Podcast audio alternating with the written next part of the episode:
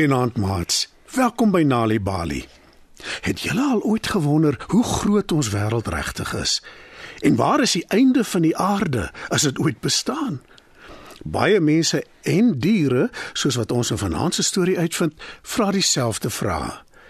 Die wye, wye wêreld is geskryf deur Kai Tuomi.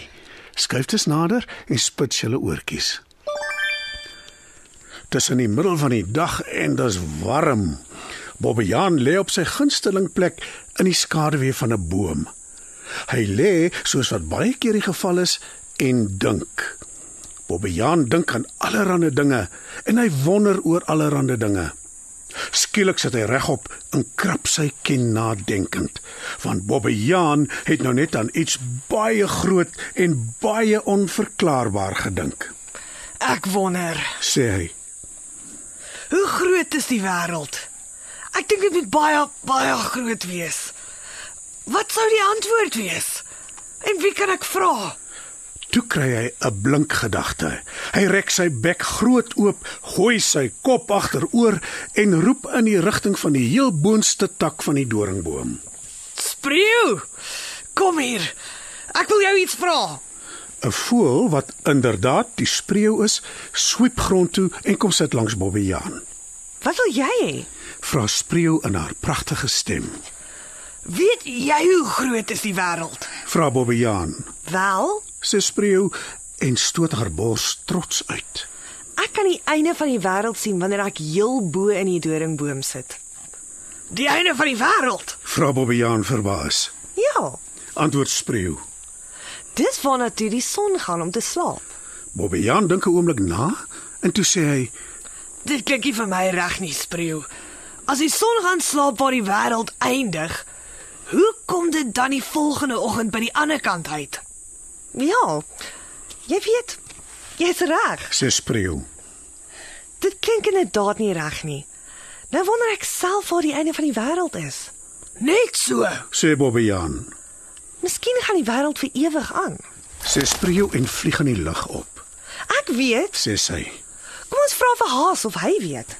Spreeu en Bobbejaan gaan toe saam na Haas se huis toe. Daar aangekom roep Bobbejaan. Haas. Haas kom uit sy huis en kyk vraend na Bobbejaan. Toe vra Bobbejaan. Weet jy hoe groot die wêreld is? En weet jy of die son gaan slaap waar die wêreld eindig? Voeg spreeu by. Wel, Sê Haas en wikkel sy neus. ek weet nie veel van slapende sonne af nie, maar ek het al baie in die grond gegrawe.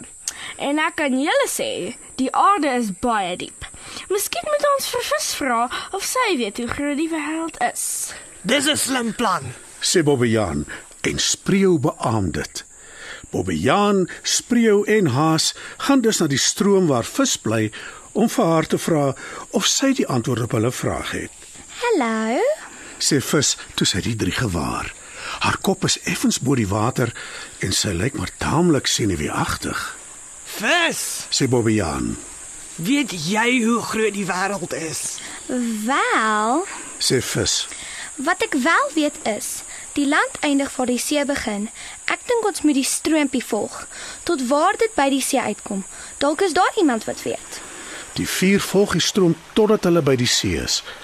Bobbejaan, Haas en Spreeu sit saam op die strand en bespiegel wie hulle gaan vra, terwyl vis in die see inswem om iemand te soek wat dalk die antwoord op hulle vraag ken. Kort voor lank is vis terug. Saam met haar is daar 'n eislike groot grys dier met 'n stert wat soos 'n waier lyk en 'n vriendelike glimlag. Hallo, sê die dier in 'n groot stem. Ek is 'n walvis, Hallo walvis. Sien maar jy's groot. sê Bobbejaan. Spreeu en Haas beamoed dit en al drie se monde hang oop van verstomming.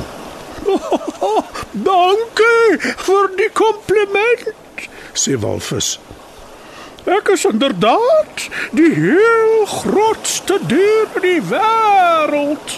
Toe ek visse ontmoet het, sê my vertel van julle vraag.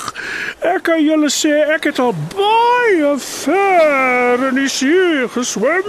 Is 'n baie groot oseaan en daar is baie ander lande behalwe die een.